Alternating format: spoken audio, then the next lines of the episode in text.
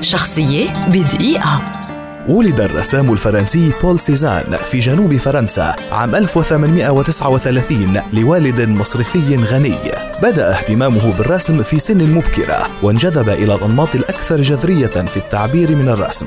أعمال سيزان الأولى كانت قاتمة ومكونة من ألوان كثيفة موحية بتقلبات مزاجية ورومانسية. تطور من الانطباعية إلى أن تحدت لوحاته كل الحدود التقليدية المتعارف عليها في الرسم في القرن التاسع عشر من خلال الإصرار على التعبير عن النفس وهوية اللوحة نفسها. يرى النقاد أن سيزان نضج ببطء كفنان وأنه صنع أعظم أعماله في آخر 25 عاما من حياته. وقد اثرت أعماله في أكثر الحركات الفنية اللاحقة وكان له دور محوري في تطور أهم الحركات الفنية في القرن العشرين كالوحشية والتكعيبية والتجريدية.